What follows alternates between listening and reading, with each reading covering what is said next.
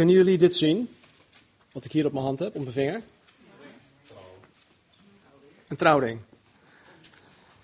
Wat als ik het op deze hand had? Ook een trouwring. Hier in Nederland kennen we een aantal uh, gebruiken, tradities, gewoonten. En als ik het goed heb, als je protestants bent getrouwd, dan heb je het op je rechterhand.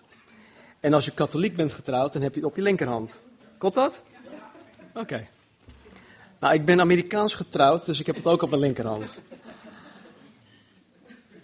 Houd dit even in gedachten. Houd dit even vast. Ja? Laten we onze Bijbels openslaan op 1 Korinthe hoofdstuk 11.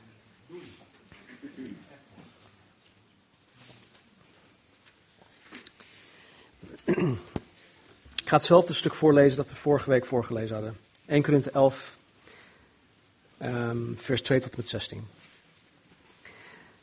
En ik prijs u, broeders, omdat u in alles aan mij denkt en u aan de overleveringen houdt zoals ik die aan u heb overgeleverd. Maar ik wil dat u weet dat Christus het hoofd is van iedere man, en de man het hoofd is van de vrouw, en God het hoofd van Christus. Iedere man die bidt of profeteert en iets op zijn hoofd heeft, onteert zijn hoofd.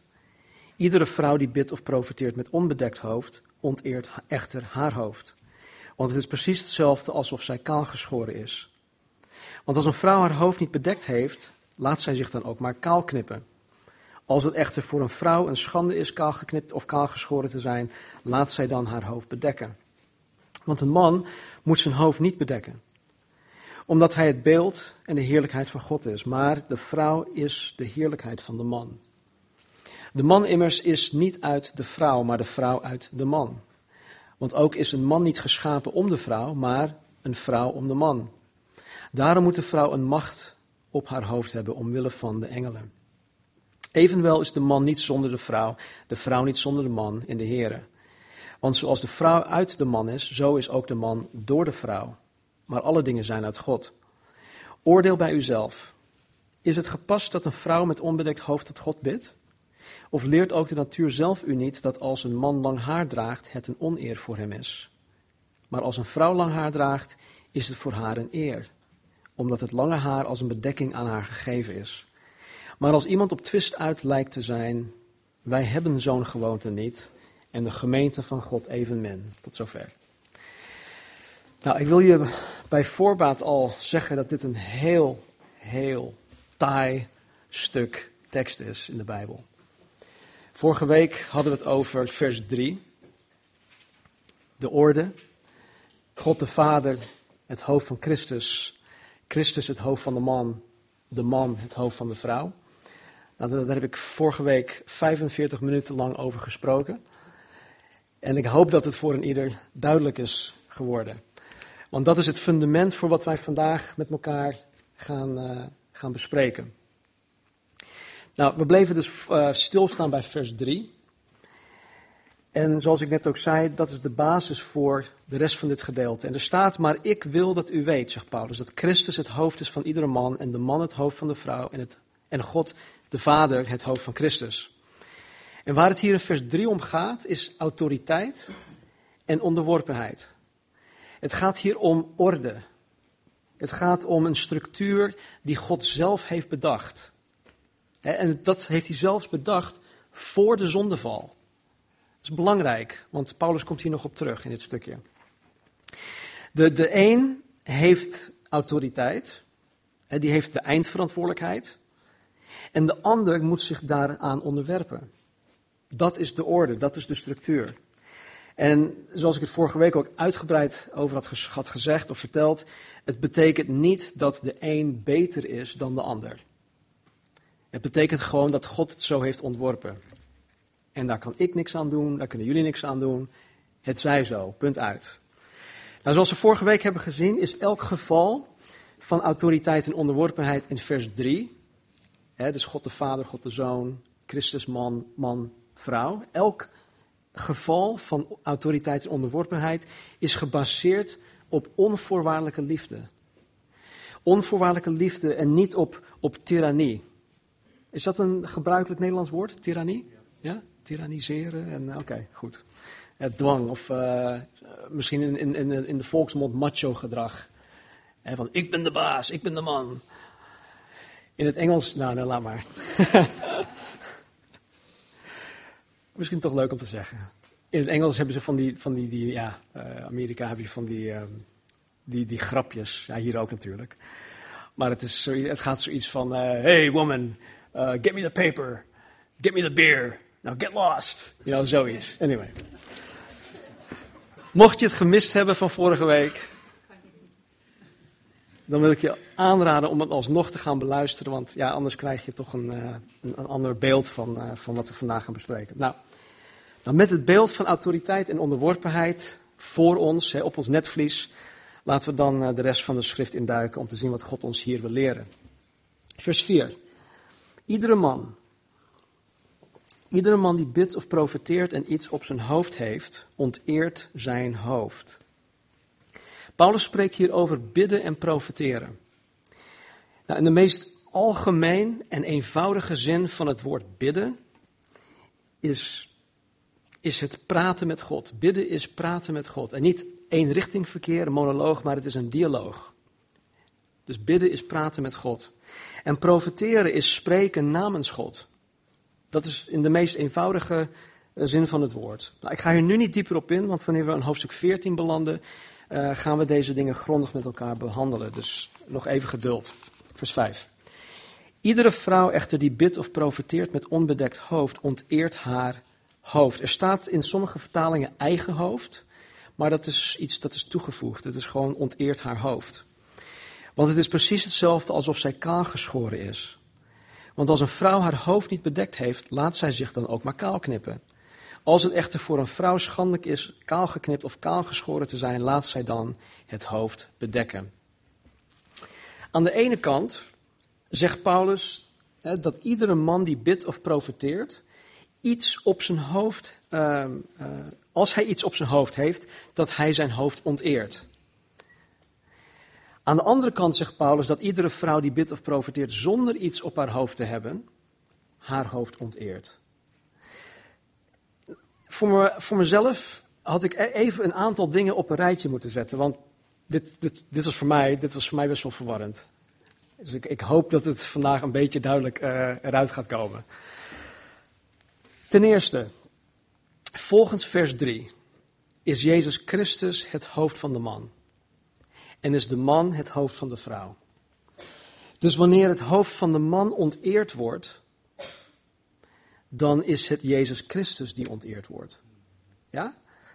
En wanneer het hoofd van de vrouw onteerd wordt, dan is het haar man, haar echtgenoot, die onteerd wordt. Dat is één. Ten tweede, in vers 4 heeft Paulus het over iedere man die iets op zijn hoofd heeft. Paulus zegt hiermee, uh, of hij zegt hiermee niet, dat een man geen muts of pet of hoed mag dragen wanneer hij bidt of profeteert. En eh, laten we dat even duidelijk voorop stellen. Ik uh, doe me denken aan, uh, aan een, een, vriend van ons die, die ooit op bezoek was, een voorganger van de gemeente in de States. Die, ehm, die kwam bij ons voor een week. En we waren met een kleine groep mensen die wij kenden destijds in Katwijk. En uh, volgens mij waren we of bij, bij hun thuis of bij ons thuis, ik weet niet meer precies waar het was. Maar we gingen staan in een, in een, in een cirkel. Handen, we hielden elkaars handen vast. En we waren met een man of tien of twaalf of zo. En deze voorganger, Amerikaan, die had een, uh, een petje op. Een baseballcap. En ineens, voordat we begonnen met bidden, stapte een van die, die, die mensen uit, uit Katwijk die wij kenden. Die, die, die, ging dus, die liet handen los en die ging naar hem toe, gooide zo die pet af van zijn hoofd. We dachten van, oké, het zal wel. Dus we gingen gewoon bidden. Maar na afloop vroegen mensen, joh, waarom heb je dat gedaan? Ja, want in 1 Korinthe staat dat uh, een man niet iets op zijn hoofd mag hebben als hij aan het bidden is. Dus ze liet ons de Bijbel zien. En uh, ja, we lazen dat. En uh, goed, ik weet niet meer wat er precies was gebeurd. Ik, ik denk niet dat, er, dat, dat, daar een discussie over is uh, gekomen, maar we lieten dat gewoon gaan. Nou, ik geloof niet wat, wat dat Paulus hier zegt dat, een, dat je geen pet mag dragen. Nou, ik zou hiervoor nooit met een muts op, hè, heel cool, gaan mijn ding doen. Maar er staat niets in de Bijbel dat ik het niet mag doen. Dus, um, het gaat daar dus niet over. Nou, waar Paulus het wel over heeft, is wat er letterlijk in het Grieks staat. En dat is dat een man geen sluier mag dragen. Wat, wat er staat, iets op zijn hoofd heeft, dat betekent dat iets van, van, van zijn hoofd af, ja, hoe zeg je dat, daalt. Iets dat naar beneden komt van zijn hoofd. En dat is in die tijd, dat was gewoon een sluier. En dat zullen we zo meteen ook zien. Dus een man mag geen sluier dragen. En dat zullen we zo meteen ook eh, zien waarom niet.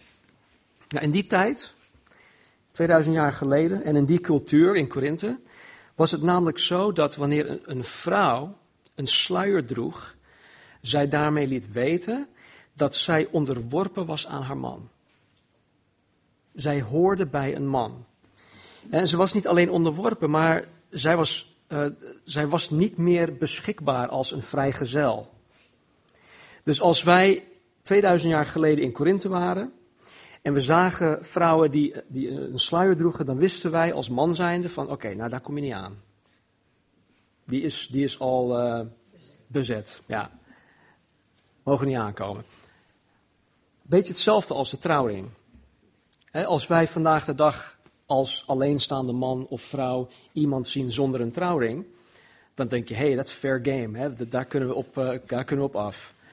Maar als iemand een trouwring op heeft, of aan heeft, hoe zeg je dat, dan, dan ja, in de meeste gevallen, als je een beetje fatsoen hebt, dan blijf je er vanaf. Tegenwoordig is dat niet meer zo. In de wereld, joh, het is juist een uitdaging, denk ik, of meer een uitdaging, om iemand met een trouwring uh, te verleiden of te, te strikken, maar uh, there's another word. Um, anyway, ja, dat. Dus een vrouw die een sluier droeg, was niet alleen onderworpen aan de man, maar zij was niet vrijgezel.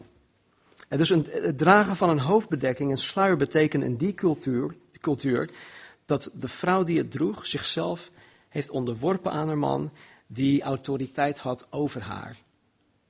En dat, dat, dat was zo. Kortom, het dragen van een sluier was een teken van, van onderworpenheid. Maar er waren in Korinthe ook vrouwen die, um, die geen sluier droegen in die cultuur. Die geen hoofdbedekking op hadden. Sterker nog, er waren vrouwen die hun haar kort knipten of hun hoofden zelfs kaal schoren. Dit waren zowel de feministen van de dag en die waren er. Nee, serieus. Dit waren ook de prostituees. De prostituees die droegen geen sluier, die, die, die knipten hun haar kort en die, die, die, die schoren zelfs hun hoofd kaal. De feministen van die tijd rebelleerden tegen alle vormen van autoriteit. Vooral waar het ging om de autoriteit van de man. Er is niet veel veranderd in 2000 jaar. En uit protest tegen de autoriteit droegen zij geen, geen sluier. En ze schoren zichzelf kaal, onder andere om er meer als een man uit te zien. de, de equality, de gelijkheid. vrouwen willen gelijke rechten hebben. Nogmaals, daar is niet veel aan veranderd. En zoals de prostituees in de Roze Buurt vandaag de dag in Amsterdam geen boerka's dragen, omdat ze juist gezien willen worden, droegen de prostituees in Korinthe geen sluier, omdat ook zij gezien wilden worden. Dus als wij teruggaan naar, naar Korinthe 2000 jaar geleden en we zagen vrouwen zonder sluier, misschien waren er nog andere dingen die hun kenmerkten, maar dan wisten we van, eh, oké, dat is of een, een feminist of het is een prostituee. Zo was dat, zo ging dat. Zij wilden ja, zichzelf vertonen zodat zij zichzelf ook konden verkopen. Het was eh, een beetje ja, van, uh, ja, look at me, kijk, look at me.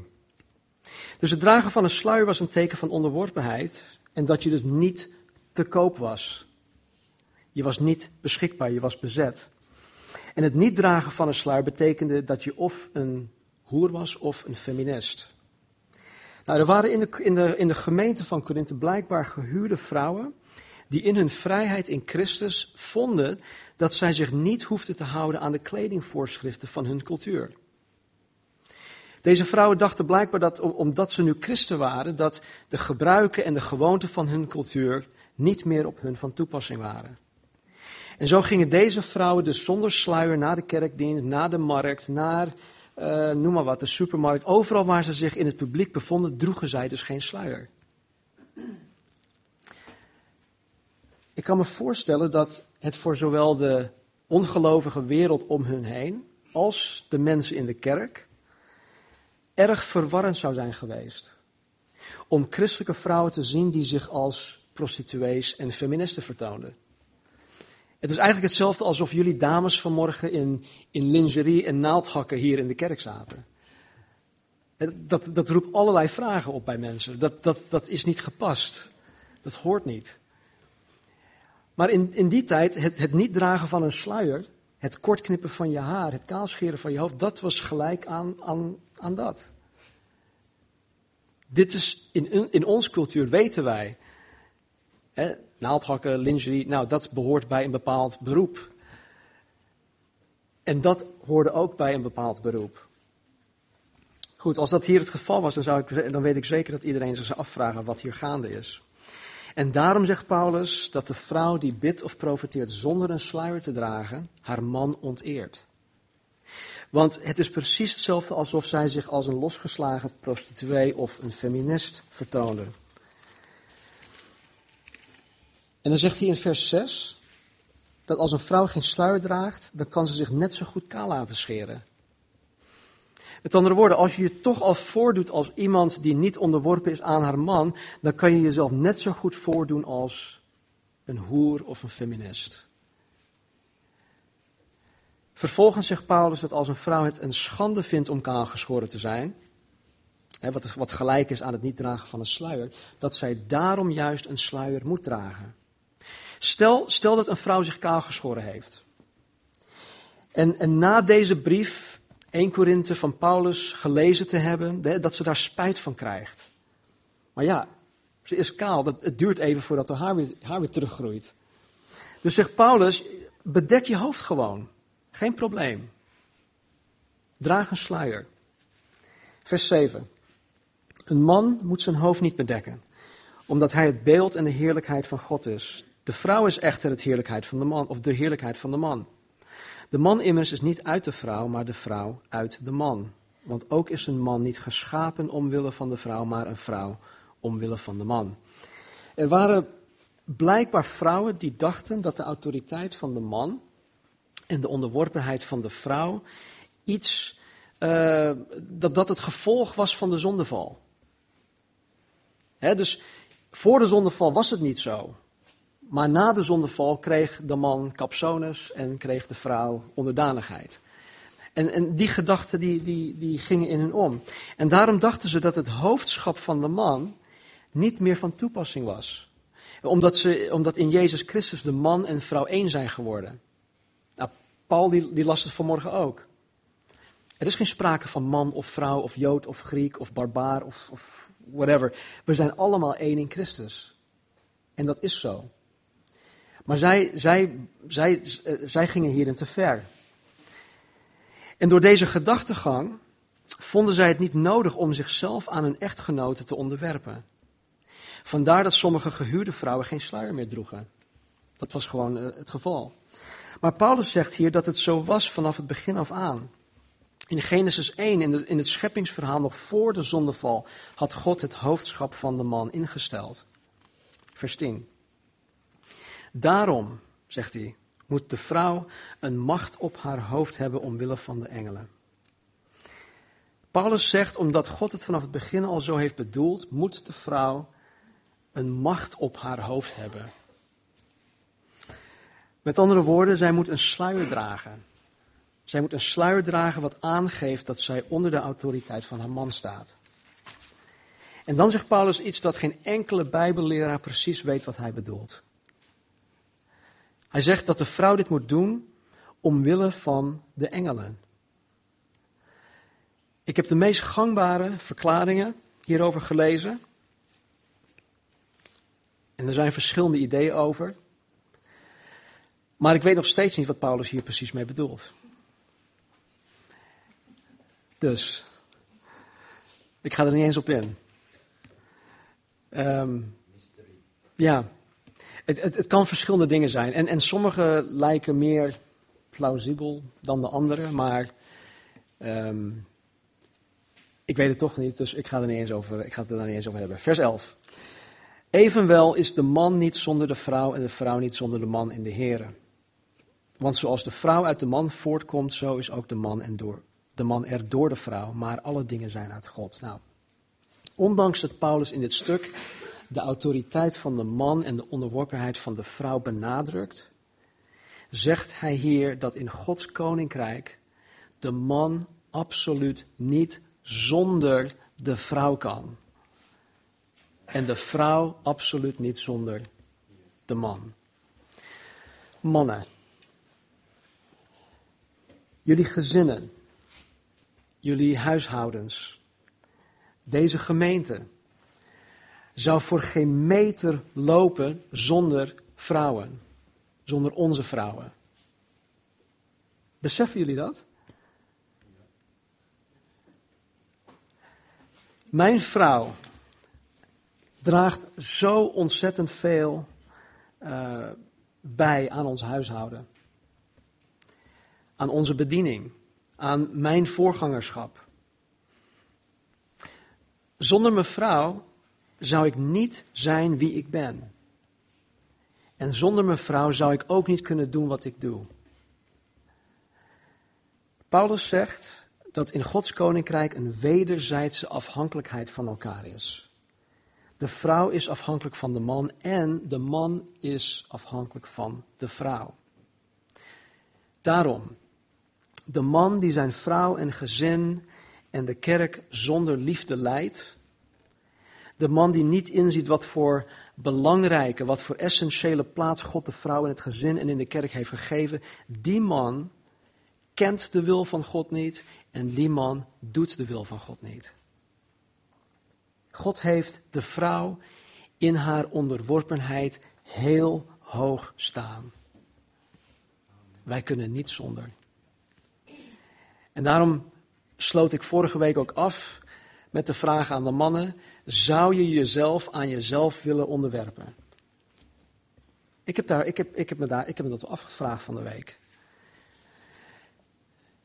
En in sommige dingen zou ik zeggen van, nou ja, ik, ik, ik kan me daar wel in vinden. Ik, ik, ik ben op dit gebied ben ik best wel, ja, oké. Maar er zijn ook andere gebieden waarvan ik zeg van, oeh, daar moet nog heel veel gesleuteld, of aan gesleuteld worden. Dus ik hoop dat wij mannen daar heel, heel erg bewust van zullen zijn. Niet alleen nu op dit moment, maar vandaag en morgen en overmorgen. Neem die gedachten mee, stop die in je zak. En, en, en, en ja, blijf daarmee aan de gang. Vers 13. Oordeel bij uzelf. Eh, Paulus legt hier iets, hij, hij, hij, zegt iets, hij vertelt, en dan zegt hij, oké jongens, kijk maar zelf, wat vinden jullie ervan? oordeel bij jezelf. Is het gepast dat een vrouw met onbedekt hoofd tot God bidt? Of leert ook de natuur zelf u niet dat als een man lang haar draagt, het een oneer voor hem is? Maar als een vrouw lang haar draagt, is het voor haar een eer, omdat het lange haar als een bedekking aan haar gegeven is. Ik geloof niet dat de Bijbel verbiedt dat mannen lang haar mogen hebben. Ik geloof niet dat de Bijbel dat verbiedt. Jullie kennen Simpson, de richter, uit Richteren hoofdstuk 13 tot en met 15. Als Nazireër droeg hij lang haar. Hij mocht zijn haar niet knippen. Hij moest zijn haar lang laten groeien. De apostel Paulus in het boek Handelingen legde een eed af, hè, ook waarschijnlijk de Nazireër eed, waardoor hij maandenlang zijn haar niet had geknipt. Aan het eind van, van, van het termijn moest hij zijn haar afknippen, moest het haar offeren aan, in de tempel en dat soort dingen. Maar ook Paulus had voor die periode lang haar. toen hij die eed uh, aflegde. Door hun haar, de Nazireërs, door hun haar lang te laten groeien, Johannes de Doper, idem, lieten zij weten dat zij onder de autoriteit of onder de heerschappij van een ander waren. En in beide gevallen, zowel Simpson als apostel Paulus en ook ja, Johannes de Doper, vielen zij onder de autoriteit van God. Dus lang haar in die tijd als Nazireër was een teken dat je onder de heerschappij, onder de autoriteit van God stond. In Christus, vandaag de dag, is het niet nodig om lang haar te hebben om aan te geven dat je aan Hem bent onderworpen. Ik hoef mijn haar niet lang te laten groeien. Ik zou het zelfs niet meer kunnen. Maar ik hoef het niet te doen om, om aan jullie te laten weten: joh, ik ben onderworpen aan God. Nee, het is nu door mijn gehoorzaamheid aan Zijn woord. Het is nu door mijn toewijding, door mijn gedrag, door mijn vertrouwen op Hem, door de liefde die ik heb voor God en voor jullie. Waaraan jullie kunnen zien dat ik onder Zijn autoriteit sta.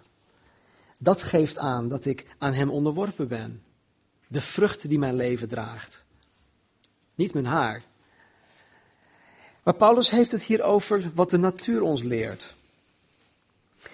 Vanuit een natuurlijk, een biologisch oogpunt leert de praktijk ons dat het natuurlijk is dat veel mannen op den duur kaal worden. Niet iedereen, maar veel mannen die worden op den duur kaal. niet helemaal, maar in zekere mate worden bijna alle mannen wel kaal. En dat heeft met hormonen te maken, dat heeft met allerlei andere dingen te maken. Daar gaan we niet, op in. Maar vrouwen, over het algemeen, worden niet kaal. Vrouwen worden niet kaal. Dus kort haar of geen haar is meer natuurlijk voor mannen dan voor vrouwen. En lang haar is meer natuurlijk voor vrouwen dan voor mannen. Maar vanuit een cultureel oogpunt, wat natuurlijk is of acceptabel is, is dat een man geen lang haar heeft. Dat was toen. In die tijd werd een man met lang haar gezien als verwijfd. Ik had zelf, ik had vorige week nog verteld dat ik zelf ook lang haar had. Nou, één ding, als, als jongen zijnde, die in de jaren zeventig opgroeide, als je lang haar had, dan was je ook continu bezig met je haar. Wij in, op de middelbare school droegen, hadden allemaal een kam in onze achterzak. Dat was echt super cool. We droegen uh, Levi cords.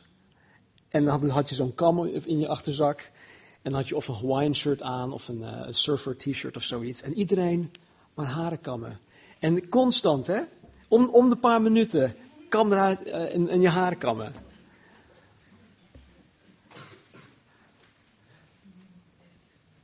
Nou, ik zag het toen niet. Maar als ik nu terugkijk op, op die tijd, dan moet ik eerlijk toegeven dat als, dat als ik soms op het strand was of, of op school of waar dan ook, als ik ergens liep met mijn vrienden en dan zie je van achter iemand met lang haar in, uh, in een strakke spijkerbroek of zo, dan dacht je van, oeh, look at that. En dan soms was het een kerel. En dan je, oh nee, dat is zo fout. Maar dat is gewoon, ja, zo ging dat toen.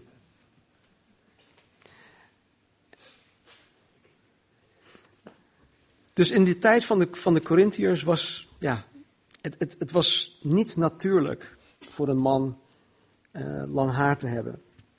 Maar voor een vrouw was het een eer om lang haar te hebben. Het sprak van vrouwelijkheid, het sprak van onderworpenheid, van bescheidenheid. Paulus gebruikt dit als voorbeeld om weer aan te geven dat de Corinthiërs zich bewust of ervan bewust moeten zijn dat de cultuur waarin zij leefden deze dingen als normaal of natuurlijk zagen. Mannen met kort haar, vrouwen met lang haar. En wat voor God hierin ook belangrijk is, en hier sluit ik mij af, is dat het onderscheid tussen man en vrouw duidelijk te herkennen moet zijn. Het onderscheid tussen man en vrouw. Zoals ik net aangaf, soms, soms zagen we wel eens mannen met lang haar, niet wetende dat het een man was. En dan schaam je je rot als, als je, als je ja, iets roept of iets zegt als jongen zijnde. Denk even aan. ehm, nou, ik weet niet of jullie het wi- wisten, maar hè, we, denken misschien dat eh, homoseksualiteit dat dat iets van de 20e eeuw is. Maar dat gaat al heel ver terug. Ook de tijd van de Corinthiërs was, dat, eh, was het de, norma- de normaalste zaak. En men soms, en kon soms niet zeker weten of je te maken had met een man of met een vrouw. Denk even aan de, de travestieten of de transseksuelen van onze dag. Soms kan je niet zien of het nu een man of een vrouw is. Wat denken jullie van Kelly van der Veer? Ze ziet er heel vrouwelijk uit. Ja, dat is Kelly, dat is iemand eh, die zich omgebouwd heeft. Of la, ja. Op afstand, op de plaatjes, op tv, ziet ze er gewoon uit als een, als een vrouw. Maar het is een man geweest. Om de orde in de gemeente van Jezus Christus te handhaven, moet het onderscheid duidelijk zijn. We moeten weten wie de autoriteit heeft, we moeten weten wie onderworpen hoort te zijn. En dan zegt Paulus dit. Maar, als iemand op twist uit lijkt te zijn, wij hebben een dergelijke gewoonte niet en de gemeente van God evenmin. Er zijn in de gemeente van Jezus Christus mensen die twistlievend of twistzuchtig zijn. Dit zijn mensen die ervan houden om te discussiëren. Dit zijn mensen die ervan houden om, om vragen te stellen, niet zozeer om een antwoord te krijgen, maar om, om dingen op te stoken. Om, om, om elkaar een beetje op te fokken. Eh, Ze, ze doen dit om, om hun gelijk ook te willen krijgen. Vaak zijn het ehm, legalistische of wettische mensen die een uitgesproken mening hebben over bepaalde zaken. En zoals in dit geval, het wel of niet dragen van een hoofdbedekking, het wel of niet dragen van lang haar, kunnen dit soort mensen hierover heel stellig zijn. Ze kunnen zeggen van nee, het staat in 1 Korinthe, man mag geen lang haar hebben, een vrouw moet een hoofdbedekking hebben, want. Vorige week vertelde ik ook dat de vader van mijn vriend die tegen me zei dat ik mijn lang haar moest knippen. Hij was één zo'n persoon die ook heel stellig overtuigd was dat mannen geen lang haar mochten hebben. Ik vertelde vanmorgen over de vrouw die erop stond dat die voorganger zijn, pest, zijn pet af moest doen. We zullen er helaas nog altijd mee te maken hebben en krijgen met mensen die eigenlijk uit onwetendheid het beter weten en, en een lasten op ons proberen te leggen.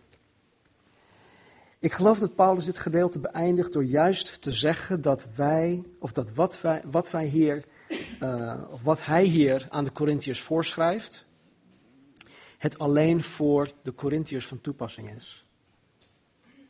Dan wil ik niet zeggen dat wij dit gedeelte gewoon uit de Bijbel kunnen halen en weggooien. Maar het heeft specifiek te maken met een situatie in hun stad, in hun cultuur. In dit gedeelte is Paulus niet dogmatisch. Hij, hij legt geen wet neer. Hij zegt dat nog hij, nog de gemeente van God een dergelijke gewoonte of gebruik heeft. Met andere woorden, waar het wel of niet dragen van een sluier, bijvoorbeeld in onze cultuur, als dat geen betekenis heeft, dan hoeven wij ons daar ook niet druk om te maken. Als het vandaag de dag ook geen betekenis heeft of je nu wel of geen lang haar hebt, so what? Waarom, waarom maak je, druk, maak je daar, daar druk over? Nou, belangrijk om een zuivere theologie te hebben. En, en, een theologie is eigenlijk gewoon je beeld van God, wie God is, hè, je, uh, je gedachten daarover. Is om in acht te nemen hoe vaak een onderwerp en in welke context een onderwerp onderwezen wordt. En hoe vaak wordt dit gedeelte in de Bijbel besproken? Alleen hier. Ja. In tegenstelling tot de leer van genade, de plaatsvervangende dood van Jezus Christus, het liefhebben van God met heel je hart, verstand, ziel en kracht, het liefhebben van elkaar, komt dit onderwerp slechts één keer voor in de gehele Bijbel. Ik denk dat het dan ook belangrijk is om daar geen punt van te maken. En niet omdat het, omdat het maar één keer genoemd wordt, maar we moeten in acht nemen de context waarin het is geschreven en de reden waarom het is geschreven. Dus vrouwen, voel je vrij om zonder hoofdbedekking te bidden en te profiteren. Hebben jullie een trouwring? Ben je getrouwd? Dan weten wij van elkaar dat jullie getrouwde vrouwen bij je man horen. En dat jullie aan het leren zijn om onderworpen te zijn aan je man. En andersom ook.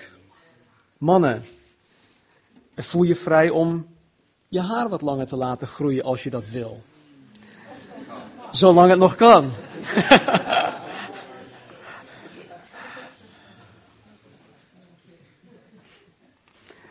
Ja, nogmaals, dit is een taai stuk en, en ondanks dat het niet direct toepasselijk is op ons leven, denk ik, ik weet het niet, hebben wij wel de belofte van God dat zijn woord nooit leeg tot hem terugkeert. God bereikt altijd zijn doel met het verklaren van zijn woord. Altijd. En misschien is, is dit op dit moment vandaag de dag niet op jou van toepassing. Misschien zal het ook nooit van jou op, op jou van toepassing zijn. Maar misschien zal je ooit iemand tegenkomen die ja, verwikkeld is in wetticisme of legalisme. En dan kan je zeggen van nee joh, ik wil je daarvan vrijmaken. Luister, laten we de schrift lezen. En alles dat we hier samen leren is niet om voor jezelf te houden. Het is om uit te delen. En dat zeg ik herhaaldelijk. Dus ook dit. Dit is om je eigen te maken, maar ook om het weer uit te delen. Dus mocht je ooit iemand tegenkomen die met dit te maken krijgt, of die met dit te maken heeft, als je het opgeborgen hebt in je hart, dan zal de Heilige Geest jou gebruiken om die persoon je mee te helpen. Want Hij brengt alles weer tot onze herinnering. Dus,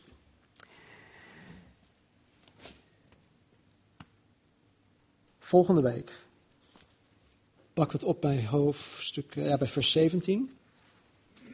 Maken we hoofdstuk 11 ook af. Dat komt heel mooi uit, want de week daarop hebben, vieren we weer Heilig Avondmaal.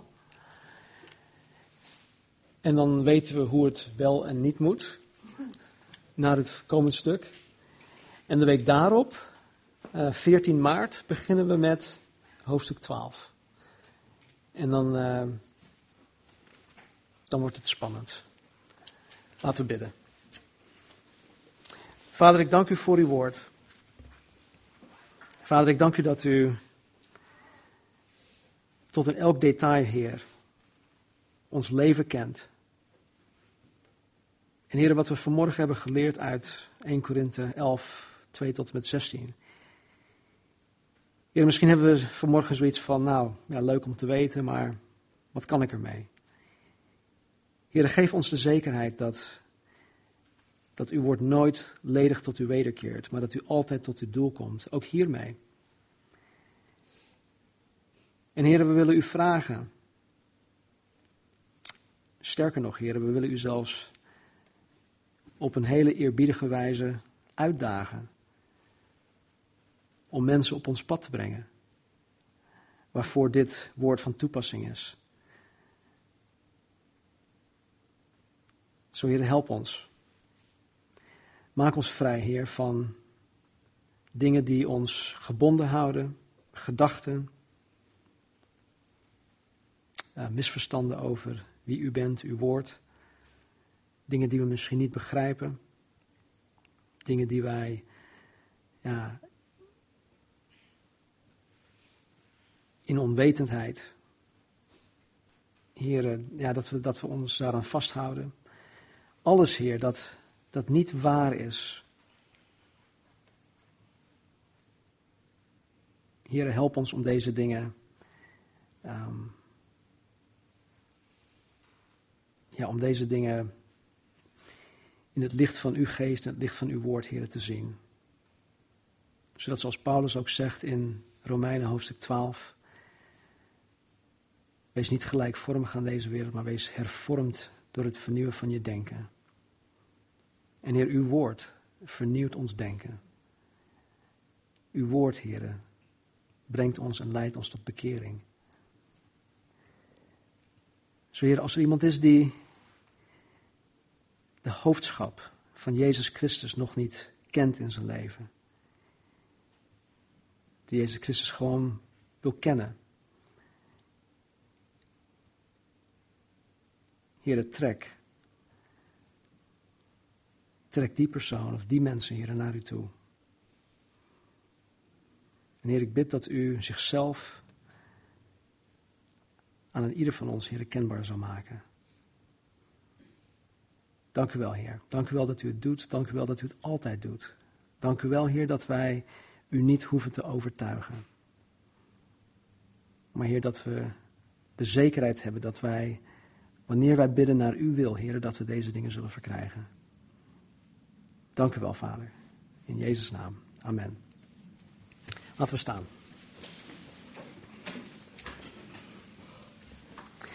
Aan het eind van 2 Korinthe geeft Paulus deze zegen mee. Hij zegt, de genade van de Heer Jezus Christus, de liefde van God en de gemeenschap van de Heilige Geest, zij met u allen.